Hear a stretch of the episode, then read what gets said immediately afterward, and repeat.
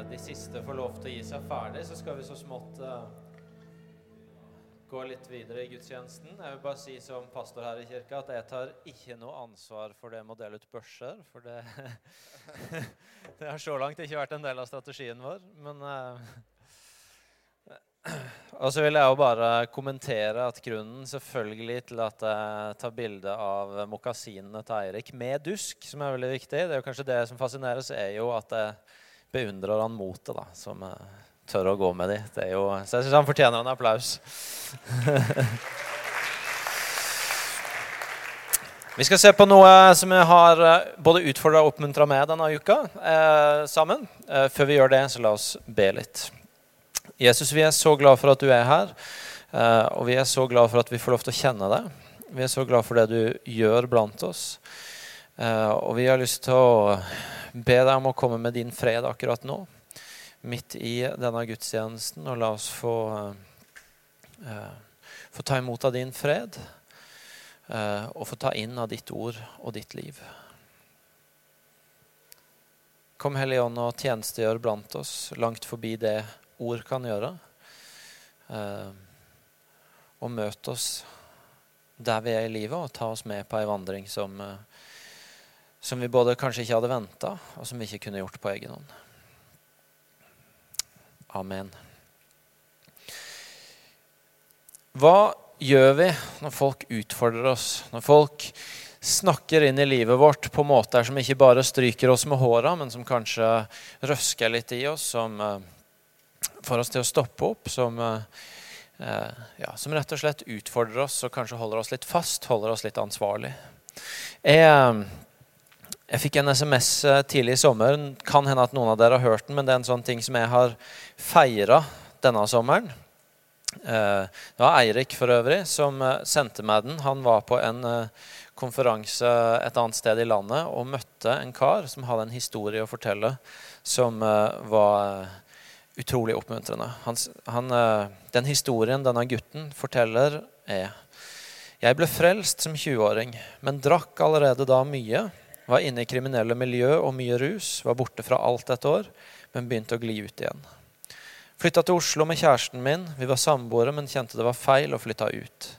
Da eskalerte det igjen, og det var mye rus og kriminalitet. Så endte jeg opp i Stavanger for å bygge et hus for en drugdealer der. Når det var ferdig, så skulle han på en båt til Karibien. Var, så skulle jeg på en båt til Karibien. Jeg var ganske rusa. Og så møter jeg ei fra Imi-kirka som var med på bønn på gata. Hun spurte om hun kunne be for, han, for meg, og hun profeterte at jeg ser en stor båt, og den må du ikke gå på. Du skal en annen vei. Og jeg tok i stedet en båt nordover og har etter det møtet levd med Jesus i tre år. Nydelig.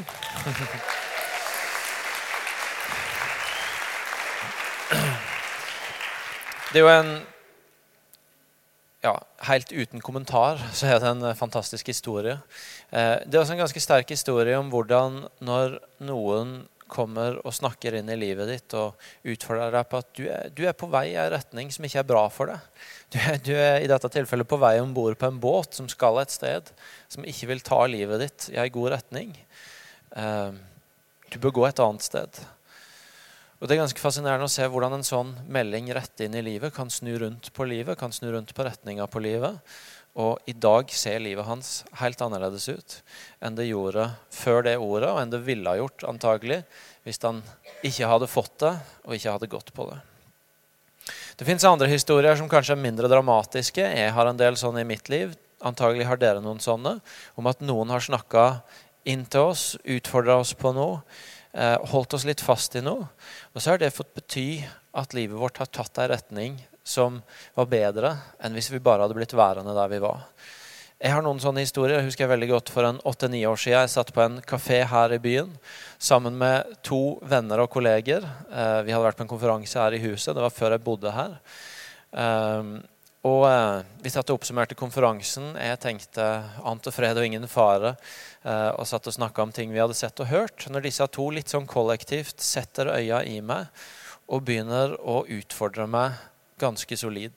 På noen ting i livet mitt som jeg ikke så sjøl, på noen ting som ikke var på radaren min i det hele tatt, men som de helt tydelig hadde tenkt på eh, og ønska å si noe til meg om fordi de var glad i meg. Og Det at de sa de tinga, det at jeg hørte de, det at jeg faktisk gjorde noe med de, starta en prosess i etterkant av det, det høster jeg frukter av den dag i dag, åtte-ni år seinere. Det at noen valgte å holde meg litt fast, valgte å utfordre meg, og at jeg valgte å høre det og gjøre noe med det, det bærer fortsatt frukt i mitt liv.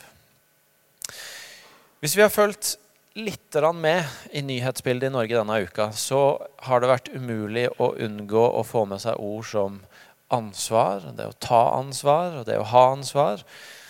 Og hele diskus masse diskusjoner om hva det innebærer. Det har blitt lagt fram en rapport om 22. juli og det som skjedde 22. juli i fjor, eh, som har tatt for seg masse sider ved den, og som har vist en del ting som ikke var så bra, og som kanskje til og med kan bety at noen menneskeliv kunne vært spart. Eh, og det har selvfølgelig utløst en debatt om hva det betyr, om hva vi gjør med det, hvem som har ansvaret for det. Eh, osv. Et av spørsmålene som veldig tidlig begynte å gå i mediene, og som har gått gjennom hele uka, har vært hvem har ansvaret for dette? Hvem tar ansvaret for det? Og hva betyr det å ta ansvar? Betyr det at noen må slutte å gjøre det de gjør? Eller betyr det at noen må fortsette å gjøre det de gjør, men lære av det som har kommet? Um, og kanskje kan vi når, vi, når vi følger med på den debatten, i hvert fall kan jeg det, kjenne meg av og til litt sånn dradd mellom at jeg har som en sånn grunnleggende holdning i meg at folk skal få nye sjanser, folk skal få nye muligheter. Um, og at det er sjelden det, det, kommer gode ting ut av å bare ta folk. Uh, og på den andre sida at vi kan kjenne oss litt dradd av at noen må jo ta ansvar. Når du har hørt den ene kommentatoren og journalisten og mennesket etter det andre si noen må ta ansvar, uh, så begynner du å tro på det. Og så kan du kjenne deg litt dradd mellom de to tinga. Jeg skal ikke kommentere den saken mer i talen i dag. Eh, hver enkelt av oss får lytte oss inn på det og finne ut hva vi tenker og mener. Eh, men dette med spørsmålet om ansvar, om ansvarlighet, om ansvarliggjøring, om å bli utfordra av sannheter som kommer, det angår oss alle. Det er ikke så mange her i dette rommet som kommer til å bli statsministre, tror jeg. Kanskje det er greit.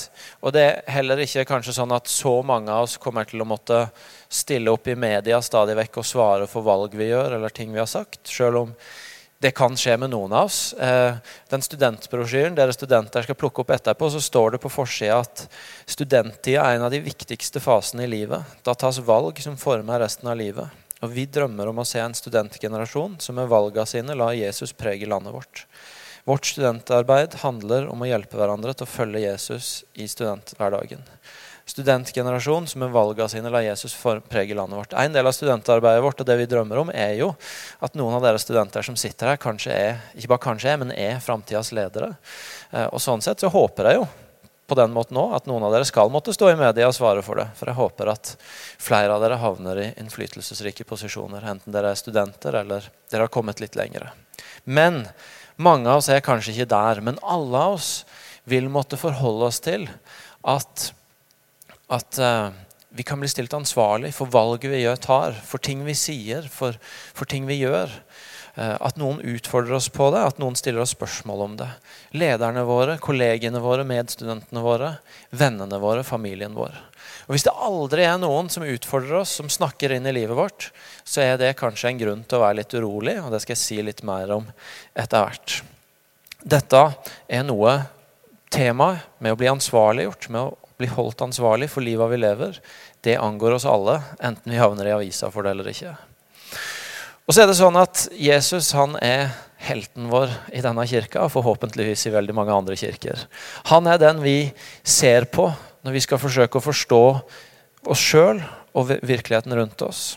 Han er den vi går til når vi trenger trøst, når vi trenger styrke, når vi trenger nytt mot og nye starter. Han er den vi spør etter når vi trenger retning for livet vårt, når vi trenger å finne ut hva er neste steg. Jesus er den vi kikker på når vi trenger hjelp til å navigere i det livet vi er gitt. Og Når vi ser på Jesus og på det livet vi møter hos han, og på den han er og det han gjør i evangeliene, så ser vi på den ene sida at Jesus han er en sånn fyr som er full av godhet. Eh, det er masse nåde i det Jesus gjør. Det er masse nådefulle ord. Han er den som kan si at eh, 'Kom til meg, alle dere som strever, og så vil jeg gi dere hvile'. Kom til meg, så vil jeg gi dere hvile. Jesus han er den som stopper opp for mennesker i desperate situasjoner. og Så ser han på dem, og så sier han noe til dem som betyr noe for dem. og Kanskje griper han inn og helbreder dem. Og så snur han livet rundt for dem i det som var en desperat situasjon. Jesus er den som gjør det ikke bare for de som andre har prøvd å hjelpe, men han gjør det for de som ingen andre bryr seg med å hjelpe. Han er den som stopper opp fordi alle andre går forbi. Og hjelper, viser godhet, bringer mirakler inn, bringer nåde inn.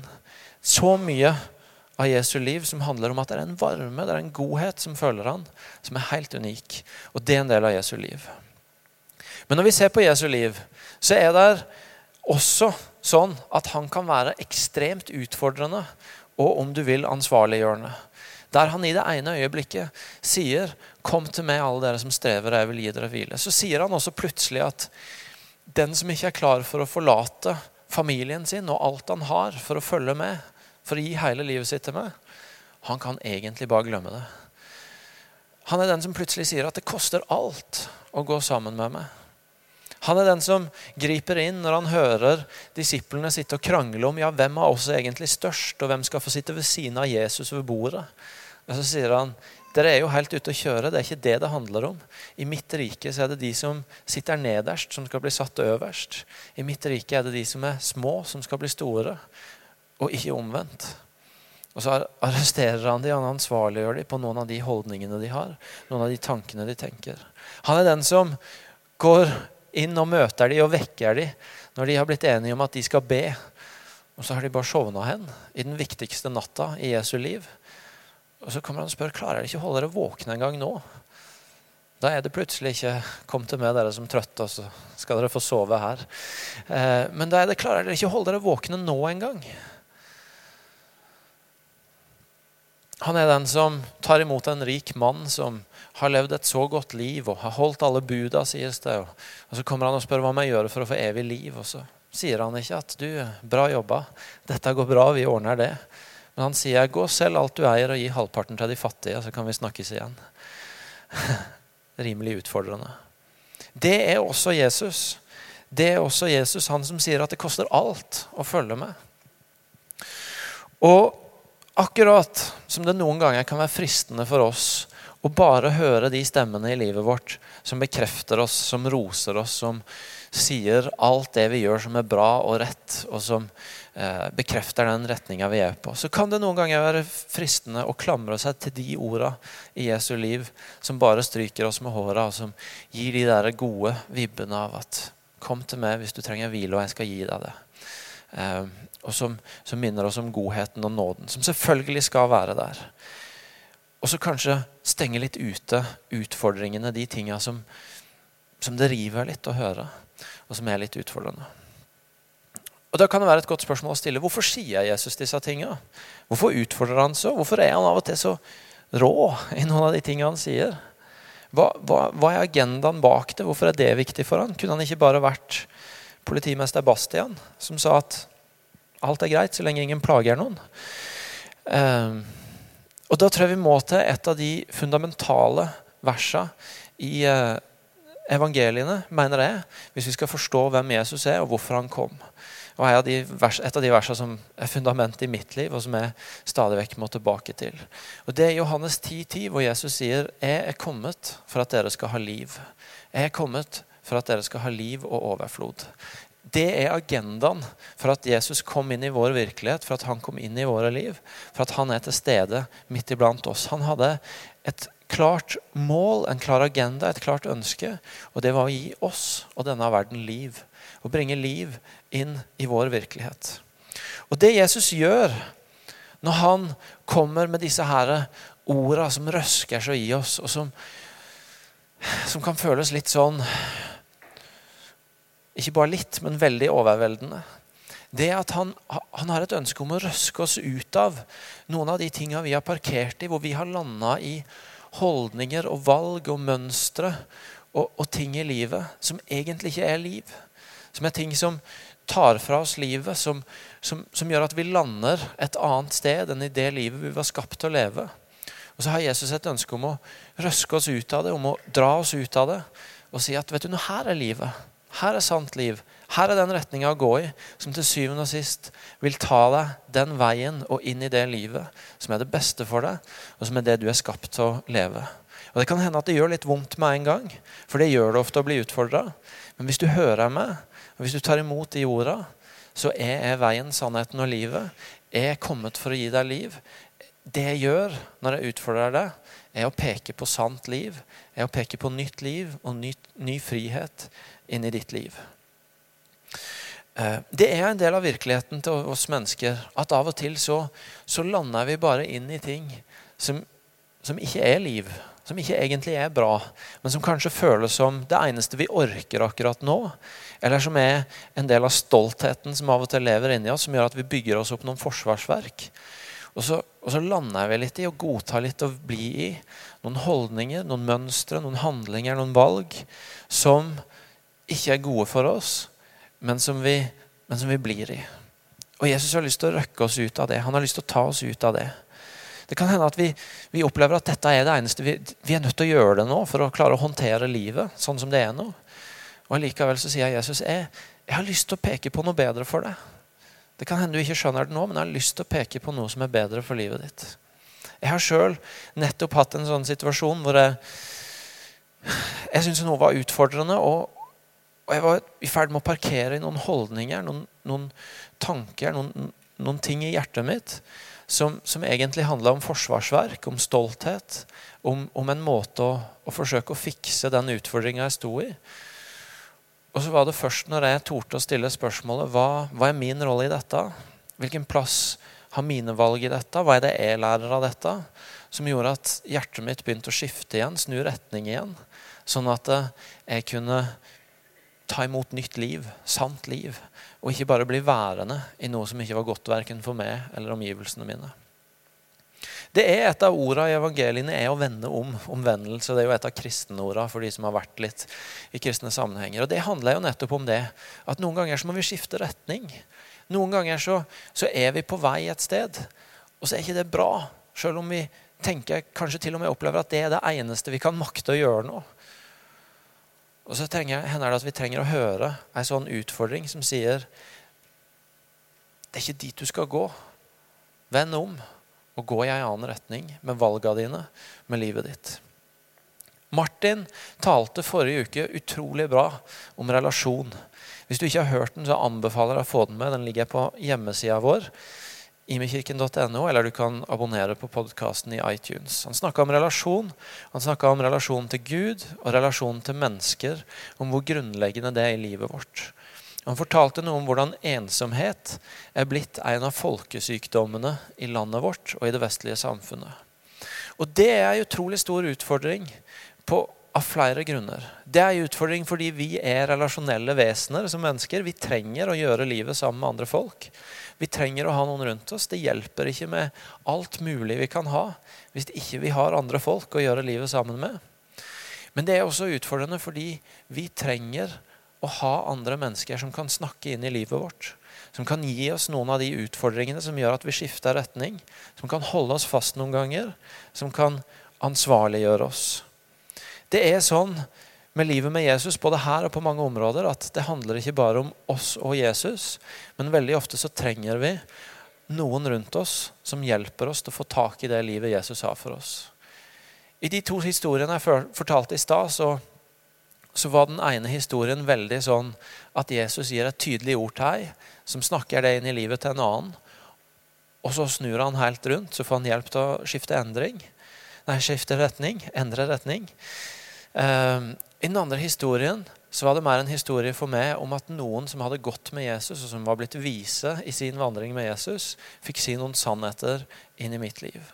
Hvis Jesus virkelig skal få utfordre, ansvarliggjøre, snakke inn i våre liv, så trenger vi veldig ofte at det blir virkelig gjennom at andre mennesker får lov til å snakke inn i livet vårt. At andre mennesker får holde oss fast i noen ting, får utfordre oss på noen ting, får si fra hvis de ser noe som de tenker at vet du nå, skal du heller gjøre litt sånn. Skal du heller gå litt sånn.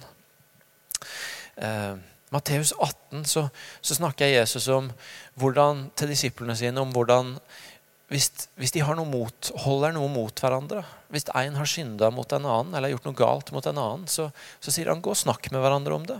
Si fra til hverandre om det. Ikke kom til meg med det og be meg ordne opp i det, men gå til hverandre og si fra. Han, han utfordrer dem på en sånn snakke inn i hverandres livkultur, holde hverandre fast-kultur. Når en sier fra, når en ser noe hos hverandre. Som, vet du noe, jeg tror jeg du skal snu litt endring. Vet du noe, Der gjorde du noe som ikke var så lurt. Det kan det hende du må rydde opp i. Jeg husker sjøl godt i mitt eget liv. Jeg var ca. 25. Jeg, skulle, jeg, møtte for første gang ei dame som var minst dobbelt så gammel som meg. Jeg hadde ikke møtt henne før, men hadde blitt anbefalt å treffe henne. Og Jeg var sammen med henne i ca. en time. Og når jeg kom ut derfra, så tenkte jeg nå har du fått bank, Elling. Eh, fordi hun hamra på med utfordringer i ei time. Eh, og ja, jeg tenkte etterpå nå har du fått juling. Og allikevel så tenkte jeg og det var helt fantastisk. For det var første gangen jeg hadde opplevd at et voksent menneske ikke bare strøyk meg med håra. Selvfølgelig, hør det rett, jeg har hatt foreldre som av og til har korrigert meg litt. Men det var, det, det var i hvert fall min opplevelse da, at det var sånn første gangen jeg liksom virkelig opplevde at et voksent menneske tok tak i meg og rista litt i meg og sa noen ting som jeg trengte å høre. Og ikke bare sa 'du er en flott ung mann, Egil og du er ung og lovende', og 'det er så bra alt du er med på, alt du gjør', men som sa 'vet du noe, dette må du tenke på, dette må du tenke på'. Der må du passe deg hvis du vil gå en god vei med livet ditt. Og det var ikke truende, fordi det var så gjennomsyra i hele den samtalen at hun hadde en agenda, og det var at hun ville meg godt, og at hun ville dra meg nærmere Jesus. Og Selv om jeg hadde fått juling i en time, så var det en god følelse etterpå. For endelig var det noen som hadde snakka inn i livet mitt. Endelig så var det noen som ikke bare hadde strøket meg med håra. Jeg tror at dette med å bli ansvarliggjort, det med å bli holdt fast i noen ting, det med at noen snakker inn i livet våre, og det å ha sånn, et relasjonelt fundament, et fundament av at det er trygghet, det henger sammen, og det er helt avgjørende. Det at vi kan høre noen utfordre oss og vite at de vil oss godt, vite at i bunnen så er det en trygghet, det gjør at vi kan våge det. Det er ikke så rart hvis du er politiker og det står 20 journalister og peprer deg, og du har en klar følelse av at det eneste de er ute etter, er at du skal miste jobben din. Så er det ikke så rart om du føler deg litt trua. Men hvis du kan vite at dette mennesket vil meg godt, det har en agenda, og det å hjelpe meg videre i livet mitt og livet mitt med Jesus, så er det faktisk trygt, og det er godt, og det er sunt. Og det kan til og med føles veldig frigjørende at noen snakker inn i livet ditt, også om det du trenger å bli utfordra på og holdt fast på. Guds ord sier at sannheten setter oss fri. Og det er faktisk sånn at Noen ganger er det utrolig frigjørende at noen snier noe inn i livet ditt som er sant, selv om det ikke gjør godt helt med en gang. Dette her det handler om å ha vennskap hvor vi er enige om at vet du noe, du har lov til å snakke inn i livet mitt. Vi snakker ikke bare om fotball og den siste filmen og gutter eller jenter eller eh, hus og hage og hekk hvis du er i den fasen av livet, eller hva det nå måtte være. Men vi snakker også om ting vi ser i hverandres liv som kan være verdt å stoppe opp ved. Eh, og det, Noen ganger så må det settes ord på. Fordi vi kan ville det, men så vet vi ikke helt hva er lov, hva er greit, hva er akseptert, hva tåler den andre. Og så er det selv i de beste vennskap litt lett å skygge banen og, og, gå den veien hvor vi ikke utfordrer hverandre. Og For min del så har det i hvert fall vært sånn at jeg har måttet si til noen av de som er nær meg, at vet du noe, du har lov til å si fra når du ser noe hos meg som ikke er ok. Eller når du ser noe hos meg som du tenker på, som du stiller spørsmålstegn ved. som Kanskje har du ikke en påstand engang, men bare et spørsmål til, deg, til meg. Um, du har lov til å si det til meg. Og Noen ganger så, så må jeg ringe eller snakke med, tekste noen av de vennene og si vet du nå, nå, nå må jeg bare fortelle deg om dette her, fordi jeg trenger å være ansvarlig overfor deg. Jeg trenger at du vet om dette og holder meg litt fast i det og sier fra hvis du hører at jeg sier noe nå som ikke er sunt. Jeg trenger Budskapet egentlig vet du noe, hvis jeg skal få til dette livet, så trenger jeg at du ikke bare er der, men at du er engasjert i livet mitt, at du tør å snakke inn i det. Det handler om vennskap og hvordan vi gjør relasjonene våre. hvordan vi gjør vennskapene våre. Og det handler også om å ha noen fellesskap hvor det kan skje, og vi vet at vi kan forvente at det kan skje. Og Derfor er det at det er så viktig det Irene snakka om i stad, om å bli en del av et mindre fellesskap. Derfor er det at vi kommer til å snakke en god del om det denne høsten i denne menigheten. At vi tror så på å være en del av et disippelgjørende fellesskap. Fordi vi tror at det er så avgjørende for livet vårt at vi har plassert oss i en sånn posisjon at vi vet at vi kan regne med at noen sier fra, at noen snakker inn i livet vårt, at noen stiller de spørsmåla som hvis ingen stiller de, så er livet vårt plutselig på vei i en retning som ikke var den beste.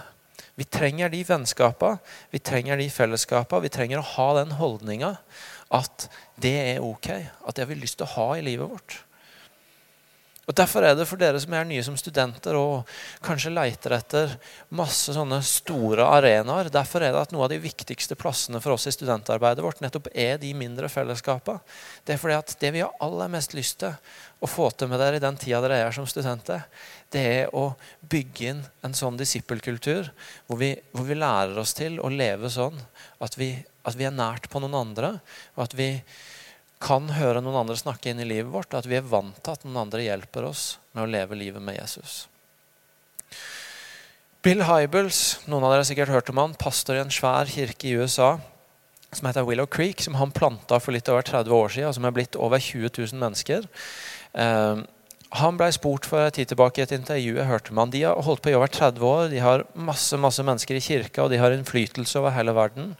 Og de har i løpet av de 30 åra ikke hatt noen skandaler eller sånn skikkelige eh,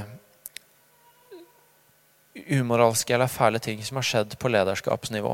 Og Det er flott, det er, men det er også litt spesielt, fordi det skjer innimellom en del ting også i kristne sammenhenger på lederskapsnivå som ikke er så bra. Han ble spurt om hvorfor tror du det er sånn. Hvorfor tror du dere har klart det? Og Da sier han at hele veien så har de hatt en kultur av ansvarliggjøring. Og ofte så er det sånn at jo mer en lykkes, jo bedre en gjør det, jo større en blir, jo mindre ansvarliggjøring blir det. fordi da tenker en jo at de er bra, de får det til, de lykkes. Mens de har mer tenkt sånn at jo bedre du gjør det, jo høyere opp du kommer, jo mer du lykkes, jo mer ansvarliggjøring trenger du for å holde deg på sporet. Og uansett hvor vi er i livet vårt, og, eh, og om vi er der at noen, mange ser på oss og tenker oi, de får det til, eller om vi er der at vi føler at ingen ser på oss, så trenger vi det. Vi trenger at noen har den rolla i livet vårt, og vi trenger å plassere oss sånn at noen kan snakke inn i livet vårt. Kanskje sitter du her og hører meg snakke og tenker fint det du sier. Utfordringa mi er ikke at ingen utfordrer meg. Utfordringa mi er at nesten alle stemmene jeg hører om mitt liv, er utfordrende eller negative og trykker meg ned. Og da har jeg bare lyst til å si at Da trenger du i hvert fall det jeg snakker om nå. For da trenger du noen mennesker i livet ditt som kan hjelpe deg å sortere. Som kan hjelpe deg å luke ut alle de stemmene som prøver å holde deg nede, og hjelpe deg å snakke sant om deg sjøl og hvem du er. Martin, som har vært pastor her i over 30 år, han har vært igjennom noen fighter som pastor i IMI. og eh, Jeg tror det var på 90-tallet. Så kokte det litt, kan vi si. Det var litt, det var litt styr. Det sto en god del ting i avisene om IMI, og veldig mye om Martin. Eh, og eh, og han fikk høre en god del stemmer om hvem han var, som ikke nødvendigvis var sanne, men som ble veldig eksponert. Og Han har fortalt meg at på et punkt så møtte han en som het Per Frikk Høydal, som var domprost i Stavanger. Som tok, tok fast i han og holdt han. Og så sa han nå, Martin, er det viktig at du holder deg fast i virkeligheten. At du holder et fast grep om virkeligheten. For hvis ikke, så er det uvirkeligheten som tar deg. Noen ganger så er det så mange stemmer som prøver å dra oss ut i uvirkeligheten, i usannheten om hvem vi er. At vi er nødt til å ha noen som holder oss hardt fast og sier nå må du holde fast i virkeligheten. Nå må du holde fast i hvem du egentlig er. Eh, Sjøl om alle disse stemmene lyder. Og Det betyr at enten du har som utfordring at alle stryker deg med håra, eller du har som utfordring at alle prøver å trykke deg nede, og de fleste av oss lever vel litt imellom, så trenger du at noen er der og får lov til å snakke inn i livet ditt. Dagens utfordring har dere hørt. Den er ganske enkel. Er livet ditt plassert sånn? Er det posisjonert sånn at noen har lov til å snakke inn i livet ditt? Og Dagens oppmuntring er at agendaen er ikke ansvarliggjøring. Poenget er ikke å bli holdt fast, utfordra eh, og ansvarliggjort. Men poenget er liv. Agendaen til Jesus er liv. Når han kommer med disse utfordringene, når han, han har vist oss en modell som handler om at vi utfordrer hverandre, så handler det om at han vil at vi skal ha liv. Han vil at vi skal få hjelp til å leve det sanne livet. Han er opptatt med én ting, og det er å gi oss liv. Så opptatt at han kom inn i våre liv. Så opptatt med det at han ga sitt eget liv for våre liv. Og det sier noe om hvor viktig det er for han. Skal vi reise oss og be sammen?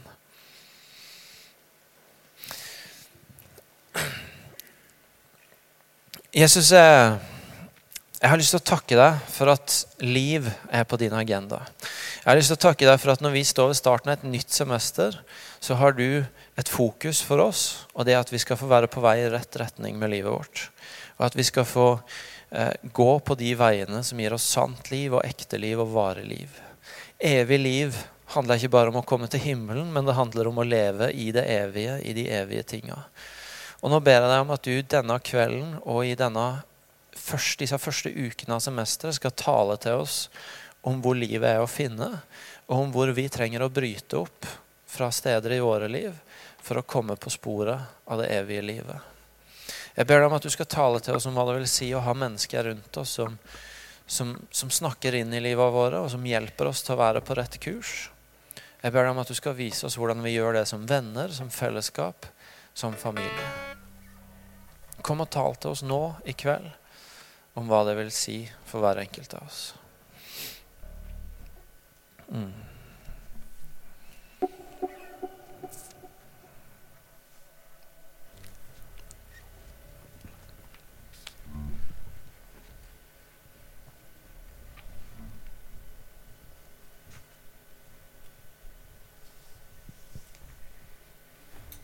Jeg har lyst til å be deg spesielt for de som er her, som er nye, og som nettopp med en ny start og så har mulighet til å sette en ny kurs på noen ting i livet.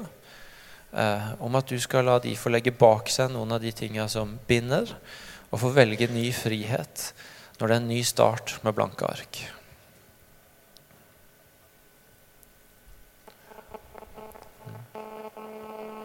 Og så har jeg lyst til å si for du som er her og som hører dette budskapet og, og syns det er fint og ok alt det som handler om å snakke inn i livet, men, men, du vet at det som er budskapet til du i kveld, det er at livet ditt grunnleggende sett er på vei i feil retning, og du trenger en snuoperasjon.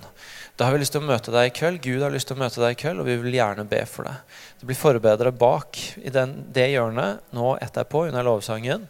Og du er veldig velkommen til å komme og snakke med dem, la dem be for deg, og la de få lytte til Gud for deg. Det gjelder også hvis det ikke bare handler om valg du tar og mønstre, men hvis du er her fordi du og ikke kjenner Jesus, ikke lever med han, men har lyst til å gå inn i det livet, har lyst til å gå inn på den retninga.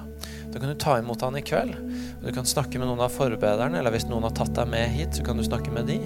Og så er det mulig for deg å begynne å følge Jesus og begynne å gå på den veien akkurat nå. Hvis du har hørt budskapet mitt og vet at du trenger et sånt fellesskap som Irene snakka om, og som jeg har snakka om, så bare minner jeg også om at Irene og gjengen står der ute nå etterpå for å snakke med deg. Da skal vi få tilbe Gud sammen, og så etter hvert så kommer Anne på og deler noen kunnskapsord med oss. Og Det er forbønn og tilbedelse, og du kan være her så lenge du vil. Og når du ikke har lyst mer, så kan du gå ut i kafeen og snakke med folk og møte noen av våre folk.